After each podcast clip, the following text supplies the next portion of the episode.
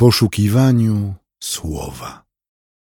Rozważanie pisma prowadzi ksiądz Piotr Gaś, Kościół Świętej Trójcy w Warszawie. Łaska Pana naszego Jezusa Chrystusa, miłość Boga Ojca i społeczność Ducha Świętego niech będą z Wami wszystkimi, teraz i zawsze. Amen. W Księdze Rodzaju, w trzynastym rozdziale od pierwszego wersetu czytamy: Abram wyruszył wraz ze swoją żoną i z całym dobytkiem z Egiptu do Negebu. Razem z nimi, razem z nimi był też Lot. Abram był bardzo bogaty. Miał wiele zwierząt, srebra i złota. Zatrzymując się po drodze, doszedł z Negebu aż do Betel, do miejsca, gdzie poprzednio stał jego namiot pomiędzy Betel i Aj. Do tego miejsca, na którym przedtem zbudował ołtarz. I tam wzywał imienia Pana. Również Lot, który szedł z Abramem, miał owce, woły i namioty. Jednakże ziemia nie mogła ich obu utrzymać, ponieważ posiadali zbyt liczny dobytek, by mogli mieszkać razem. Między pasterzami stad Abrama i pasterzami stad Lota wywiązał się więc spór, a w kraju mieszkali wówczas Kananejczycy i Peryzyci. Wtedy Abram powiedział do Lota: Nie kłóćmy się, ani my, ani moi i twoi pasterze. Jesteśmy przecież braćmi. Czy cały ten kraj nie stoi przed Tobą otworem? Odłącz się ode mnie. Jeżeli pójdziesz w lewo, ja pójdę w prawo. A jeżeli pójdziesz w prawo, ja pójdę w lewo. Wtedy Lot rozejrzał się i zobaczył, że cała kraina nad Jordanem była tak samo dobrze nawodniona jak ogród Pana, jak ziemia egipska aż do Soaru, zanim Pan zniszczył Sodomę i Gomorę. Lot wybrał sobie zatem całą okolicę Jordanu i wyruszył na wschód. W ten sposób rozłączyli się jeden od drugiego. Abram mieszkał w ziemi kananejskiej, Lot zaś mieszkał w okolicznych miastach i rozbijał namioty aż do Sodomy. A mieszkańcy Sodomy byli źli i bardzo grzeszyli przeciw Panu. Po odłączeniu się Lota, Pan powiedział do Abrama: Rozejrzyj się i patrz, popatrz z tego miejsca, w którym jesteś, na północ, na południe, na wschód i na zachód. Albowiem tę całą ziemię, którą widzisz, dam Tobie i Twemu potomstwu na wieki. Twoje potomstwo uczynię tak liczne jak proch ziemi. Jeżeli ktoś zdoła policzyć proch ziemi, to również Twoje potomstwo będzie policzone. Wstań zatem, przejdź tę ziemię wzdłuż i wszerz, gdyż dam ją Tobie. Abram zwinął więc namiot, przybył w okolice Hebronu i zamieszkał pod dębami Mamre. Tam też zbudował ołtarz dla Pana. Boże, który jesteś Panem dziejów, wybierasz, rozstrzygasz. Daj byśmy, wsłuchując się w to, co odsłaniasz na przestrzeni wieków, dziejów świata, było nam znakiem. I daj byśmy, żyjąc tu i teraz, umieli odnaleźć w całym uwikłaniu i złożoności sytuacji drogę, Twoją drogę, którą chcesz nas prowadzić i na której chcesz nam błogosławić. Amen.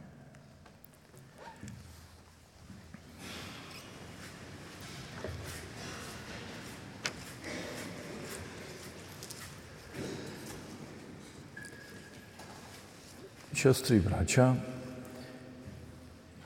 narracyjny tekst dzisiaj czytamy, opowiadający jeden z epizodów historii Abrama, którego imię potem Pan zmienił na Abraham. Czytając tę historię, powinniśmy mieć świadomość, że w naszej refleksji podążamy w rejony świata, które uważane są dość powszechnie za kolebkę cywilizacji, czyli teren pomiędzy rzekami Eufrat i Tygrys. To we współczesnym świecie obszar Iraku. Ale Mezopotamia, bo o niej myślę, nierozerwalnie związana jest z większym obszarem, na którym dzieje się to, o czym także czytamy dzisiaj. Między innymi to. Mianowicie Mezopotamia, jej historia i późniejsze dzieje związane są także z historią ziem, które obejmuje współczesny Egipt, Iran, Syria, Jordania, Izrael, Liban, państwa Zatoki Perskiej i Turcja. Jako Europejczycy jesteśmy zapatrzeni nieraz w siebie i sądzimy, że wszystko zaczęło się od nas, a najlepiej w Warszawie, prawda? Ale tak nie jest. I dowodzą, nie tylko, dowodzą tego nie tylko teksty, nie tylko starotestamentowe, ale także inne teksty odnalezione przez archeologów, a także wykopaliska. Dzięki temu jesteśmy mądrzejsi, mamy potwierdzenie, że także to, co Biblia nam przekazuje, choć nie zawsze wszystko już jest udokumentowane i potwierdzone, jednak wykopaliska potwierdzają, jak wiarygodne są przekazy, do których między innymi też dzisiaj sięgamy. Niepokoi nas to, co dzieje się w Gazie, w strefie Gazy, w mieście Gaza, co dzieje się w Ziemi Świętej i tym bardziej nas niepokoi to, że niektórzy wieszczą niebezpieczeństwo wybuchu wojny o bardzo szerokim zasięgu.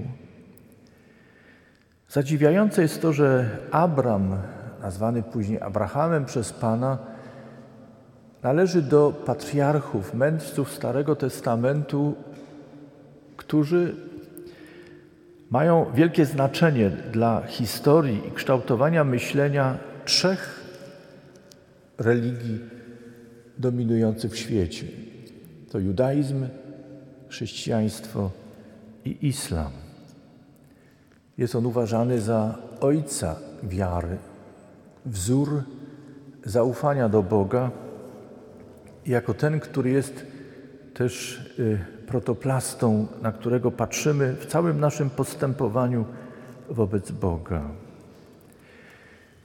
Pozwólcie, że krótko, ale jednak przypomnę to, co jest opisane w Księdze Rodzaju przed trzynastym rozdziałem, przed tym rozdziałem, który dziś czytamy. To myślę będzie pomocne dla uchwycenia pewnej logiki i myśli poprowadzonej w Księdze Rodzaju, pierwszej Księdze Mojżeszowej Starego Testamentu. Otóż pierwsze jedenaście rozdziałów Księgi Rodzaju to niczym wstęp, prolog. Znajdujemy tam opowieść o stworzeniu świata, dwie właściwie relacje, starszą i młodszą, zestawione razem. Mamy opis upadku w grzech i przedstawioną historię grzechu pierworodnego. Potem zepsucie, które było skutkiem upadków człowieka w grzech. Na tym tle pokazana jest historia pierwszych ludzi, Adama i Ewy, a potem licznych ludów, które zostały rozproszone po całej ziemi. Przy końcu pojawia się postać Abrama. Co ciekawe, w dwunastym rozdziale, w pierwszym wersecie, Bóg przemawia do Abrama. I jest to, zauważmy, czytając pierwszych 11 rozdziałów i początek 12 rozdziału, jest to coś wyjątkowego, ponieważ po raz pierwszy od czasów Noego Bóg przemawia do człowieka. Co ważne, Abram nie znał Boga, który do niego przemówił. Był związany kulturą i religijnością swoim, swojego regionu, ziemi, na której żył, wierzeniami swoich przodków. Tymczasem przemawia do niego nieznany, ale mocarny Bóg. Co mówi Bóg do Abrama? Pozwólcie, że przytoczę ten początek dwunastego rozdziału. Pan powiedział do Abrama: Wyjdź ze swego kraju, z miejsca swojego urodzenia i z domu swego ojca do ziemi, którą ci wskażę. A sprawię, że powstanie z ciebie wielki naród i będę ci błogosławił. Rozsławię Twoje imię i staniesz się błogosławieństwem. Będę błogosławił tym, którzy Tobie błogosławią a tych, którzy Ciebie przeklinają, będę przeklinał. W Tobie będą błogosławione wszystkie plemiona ziemi. Kiedy dobrze wsłuchamy się w ten tekst, polecenie, nakaz, który daje Bóg Abramowi, wymaga porzucenia wszystkiego, co w tamtym czasie było zabezpieczeniem bytu zarówno samego Abrama, jak i jego otoczenia. I wszystkich, za których on, Abram, był odpowiedzialny. Abram miał pozostawić ziemię, ojca, wszystko to, co otaczało go, i wyjść do ziemi, którą Pan, uwaga, miał wskazać. Nie było wtedy GPS-u, nie wiem czy wiecie. Nie było map. Abram miał pójść przed siebie, nie znając adresu, pod którym ma dojść. Szalone.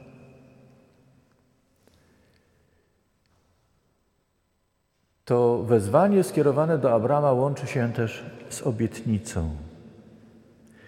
Ta obietnica mogła wydawać się na początku mało konkretna, ale w dalszej relacji staje się bardzo konkretna, kiedy pojawia się określenie ziemia Kanaanu. Wtedy wszystko staje się jasne, że co prawda Abram ma pozostawić swoją rodzinę, ma pozostawić swoje miejsce zamieszkania, swoich ziomków, ale ma otrzymać w zamian liczne potomstwo. Ma cieszyć się błogosławieństwo, a Pan ma rozsławić Jego imię. Czy dla tego sukcesu, dla tej obietnicy poszedł Abram? Z tekstu wynika jasno, że głos, który usłyszał, wezwanie, które usłyszał, było najważniejsze. Nie potrafił sobie jeszcze wówczas wyobrazić, co go czeka. Pan to określił, wskazał w formie obietnicy, ale wielkość tej obietnicy odkrywał dopiero w drodze. Dzień po dniu, miesiąc po miesiącu, rok po roku, kiedy przemierzał drogę do ziemi, którą Pan mu wskaże. Siostry i bracia, przypominam te fakty podane w pierwszych trzynastu rozdziałach i warto śledzić także późniejsze drogi Abrama, żeby przekonać się, że ziemia obiecana i błogosławieństwa Pana były mu dane w drodze. To niezwykle istotne. Wiemy, że Abram znał cywilizację, która budowała miasta. W kolebce cywilizacji w Mezopotamii, zgodnie z przekazami, powstały pierwsze miasta. Wiemy, że był w Egipcie, o tym mówi dwunasty rozdział. Abram był w Egipcie i znał również budownictwo Egipcjan. Ale Abram żył ciągle w namiocie. I Pan mówi mu o ziemi, mówi, że to jest jego ziemia. Abram ma opiekować się ziemią, jest mu powierzona, a jednocześnie wydaje się, że Abram nie słyszy tego, być może na co czekał. Teraz się osiedli, zbuduj warownię, bogać się. To jest Twoje. Wreszcie jesteś na swoim, a wszyscy mają Ci służyć. Nie ma tego. Zwracam na to uwagę, bo te obrazy, które odnajdujemy w relacji o dziejach Abrama, późniejszego Abrahama, te obrazy korespondują z tym, co czytamy potem w Nowym Testamencie. Nie mamy tu miejsca stałego, ale tego przyszłego szukamy. Mamy na tej ziemi darowane skrawki, powierzone są naszej odpowiedzialności, ale naszą prawdziwą ojczyznę mamy w niebie. Ziemska ojczyzna ma swój początek, ale naszym celem jest dążenie do tego, byśmy kiedyś stając przed Bogiem usłyszeli, że jesteśmy dobrymi sługami i służebnicami Pana. Jak mamy przejść tę powierzoną nam drogę? Wszyscy właściwie siostry i bracia, pojawiając się na tej ziemi, byliśmy trochę w sytuacji Abrama. Najpierw chronili nas rodzice, opiekunowie, wychowawcy. Ale przyszedł taki moment, że i my musieliśmy postanowić, co dalej. Jak chcemy żyć i przejść nasze życie. Czerpaliśmy i przy takich wyborach, decyzjach, jak iść dalej, korzystamy. Korzystamy z tego, co przekazują nam rodzice, wychowawcy, opiekunowe, nasze środowisko. Korzystamy z tego, co jest dorobkiem tych, którzy nas poprzedzali. Korzystamy z całej kultury, tego szerszego kręgu, który nas otacza. Ale w życiu nas wszystkich przychodzi taki moment, kiedy musimy zdecydować, jak dalej chcemy iść. Ja i Ty. Pójście z tłumem jest jakimś wyjściem. Przyjęcie poglądu większości jest jakimś rozwiązaniem. Ale wydaje się, że patrząc na Abrama, Bóg szuka kontaktu, łączności z każdą i każdym z nas. I o ile na kartach Starego Testamentu liczył się przede wszystkim lud z jego jednostkami, patrząc na karty Nowego Testamentu, na to, jak Syn Boży, Syn Człowieczy, Pan Jezus Chrystus odnosi się do człowieka, dostrzegamy to, że nadal liczy się wspólnota, lud, ale tę wspólnotę lud tworzą jednostki. To, jacy są ludzie, ja i ty. Taki jest w pewnym momencie obraz ludu. Zauważmy, że to ciekawe ujęcie y, dla naszego myślenia, bo nie ma zanegowania w tekstach biblijnych pojęcia ludu, zbiorowości, ale jednocześnie, zwłaszcza Nowy Testament pokazuje, jak ważne jest to, abyśmy czuli się odpowiedzialni jako jednostki, ludzie, za miejsca, na których żyjemy, za otoczenie, za wspólnotę, do której przynależymy, którą współtworzymy. I to wszystko w naszym myśleniu jest zawsze dynamiczne, bo świat się zmienia, my się zmieniamy. I zawsze jest to pytanie, jakie mamy odnośniki w naszym życiu, punkty odniesienia, które pomagają nam iść, wędrować w taki sposób, by nie stracić orientacji w życiu, by zachować poczucie właściwego kierunku, właściwej drogi. Tam, gdzie są ludzie, w ich myśleniu, w ich postępowaniu pojawiają się różnice. One są i wynikają z tego, że jesteśmy różni, inni. Nie zawsze potrafimy się z tym pogodzić. Prawdą jest również, że Bóg nie stworzył nas wszystkich jednakowo i nie dał wszystkim tak samo. To też może dziwić, możemy uważać to za niesprawiedliwe.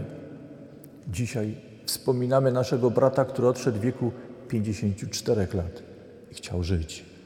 Chcieli jego życia najbliżsi.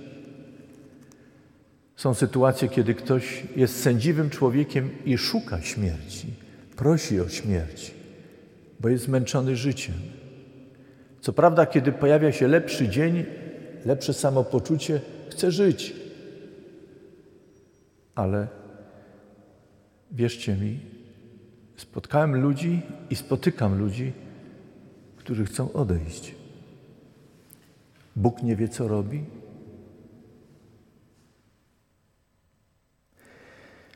To wszystko wywołuje napięcia, wywołuje zmagania, czasem konflikty. W historii Abrama i Lota mamy opisaną jedną z takich sytuacji, kiedy rodzi się konflikt. Abram starszy, opiekując się sierotą po swoim bracie Haranie, Lotem, Mimo, że miał prawo jako starszy wybrać ziemię i posłać Lota tam, gdzie uznałby za słuszne, Abram proponuje kompromisowe rozwiązanie, czyni gest wobec swego bratanka. Rozłączmy się. To będzie dobre dla nas, dla tych, za których jesteśmy odpowiedzialni. Wybierz, w którą stronę chcesz pójść. Przyznajmy, Lot skorzystał z okazji, wybrał lepszą okolicę. Lepiej zagospodarowaną, dostatniejszą. Miał prawo? Miał. Abram pozwolił wybierać bratankowi. Egzegeci zwracają uwagę na to, że ta sytuacja jest kontrowersyjna również z tego powodu, że przecież Abram miał obietnicę dam ci ziemię. Kiedy Bóg daje, człowiek winien przyjąć. Tymczasem bez polecenia Bożego Abram jakby rezygnuje z tej ziemi. Oddaje ją Lotowi. Chodziło oczywiście o Kanaan. Gdyby Lot wybrał Kanaan, Abram nie mógłby spełnić Bożej obietnicy i nakazu, by pójść do ziemi, którą Bóg chce mu dać. Nie wierzył Abram Bogu, wierzył. Ten ciekawy moment interpretujemy i wykładamy w ten sposób, że cała narracja pokazuje, iż nawet jeśli my czasem stawiamy coś pod znakiem zapytania, co jest Boże, Bóg w swojej łaskawości jednak daje człowiekowi, jednak spełnia swoją obietnicę. Lot wybrał inny teren. Abram wchodzi do ziemi obiecanej. Konflikt zażegnany. Abram, Abraham, ojciec licznych ludów, ojciec trzech wielkich religii judaizmu, chrześcijaństwa, islamu.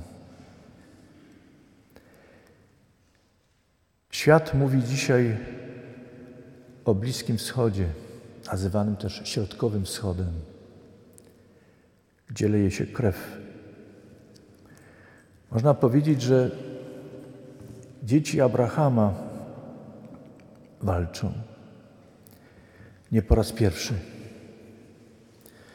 Znamy historię wypraw krzyżowych, przelewu krwi. Okrutne historie. Ale znamy też nasze środowisko. Warszawę, Polskę, Europę.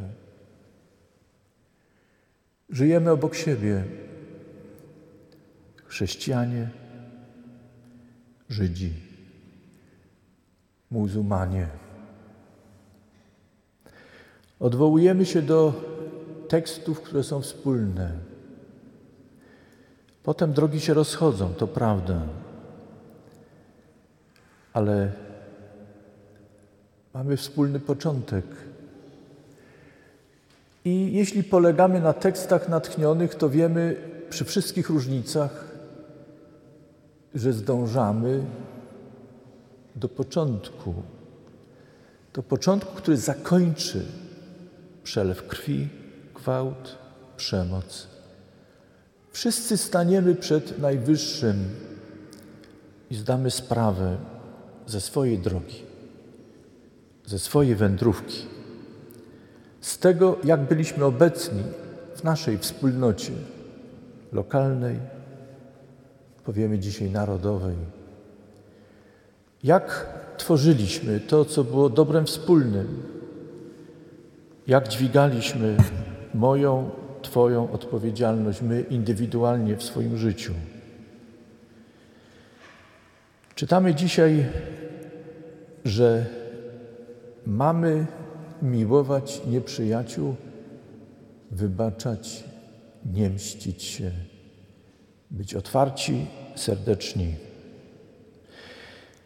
Kiedy słuchamy tych tekstów, wydają się utopijne, nie do wykonania. Wiemy bowiem, że tam, gdzie pojawia się otwartość i serdeczność, od razu pojawiają się cwaniacy, którzy wykorzystują, nadużywają.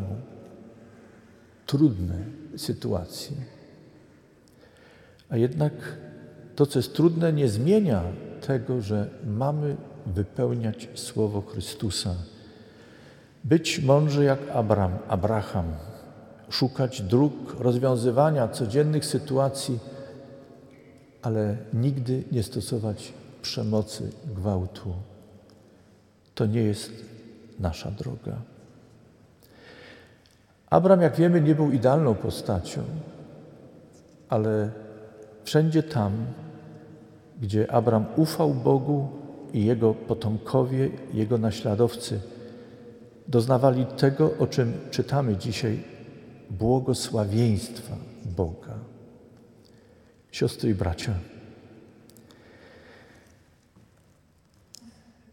nie wiem, jaką drogą chcecie pójść dalej, ale jedno jest pewne, nawet gdybyśmy jeszcze nie wiadomo jak dużo broni wyprodukowali i nie wiem jak mocno się uzbroili, jednego nie zrobimy. Tą bronią i całą potęgą militarną świata nie zmienimy człowieka w jego wnętrzu. Nie jesteśmy w stanie przeciwdziałać nienawiści. Nie jesteśmy w stanie zmienić złej ludzkiej woli. Jak to może się zmienić? Biblia podaje drogę. Musimy się nawrócić. Począwszy od jednostki po całą zbiorowość. Nie wolno nam czekać na innych. Każda i każdy z nas musi zacząć od siebie. Powinien zacząć od siebie. Chcemy, żeby świat się zmienił, ale jednocześnie mamy ochotę chronić to, co jest nasze i w nas. To wezwanie Boga do Abrama: wstań, zostaw to, co wydaje ci się takie cenne, i pójdź tam, gdzie ja ci pokażę. To jest aktualne. W Nowym Testamencie jest to pokazane na innych przykładach, ale to jest aktualne, to jest nasza droga. Zostaw wszystko to, co cię wiąże, wikła. Bądź otwarta, otwarty na Bożą drogę, Boży sposób myślenia. Pójdź tam, gdzie Bóg cię pośle. To jest z jednej strony wyrzeczenie, które prowadzi do zyskania czegoś zupełnie nowego. Czegoś, co wydaje nam się enigmatyczne, dalekie i utopijne, a co w istocie jest nowym stylem życia, nowym miejscem, które pozwoli nam stawać przed obliczem Bożym jako dobrym sługą i dobrym służebnicą. Wiecie, w co wolno nam się uzbroić? Co ma być naszą zbroją? Dzisiaj słyszeliśmy to. To jest nasza broń. Zajrzyjcie jeszcze raz do listu do Efezjan. Spróbujmy tę broń przyjąć ją stosować. Wtedy staniemy się błogosławieństwem dla innych, a nie przekleństwem. Staniemy się tymi, którzy wzbogacą innych, czynią, uczynią ziemię piękną, a nie szpetną, odrażającą, trudną, nie do wytrzymania. Niech Bóg Wam i mnie da wiele mądrości i odwagi, abyśmy przyjęli to dzisiejsze słowo, które Kościół nam wyznacza. Nawróćmy się, przyjmijmy drogę Pana, byśmy mogli przyjąć błogosławieństwo Pana i stać się błogosławieństwem dla innych. Amen.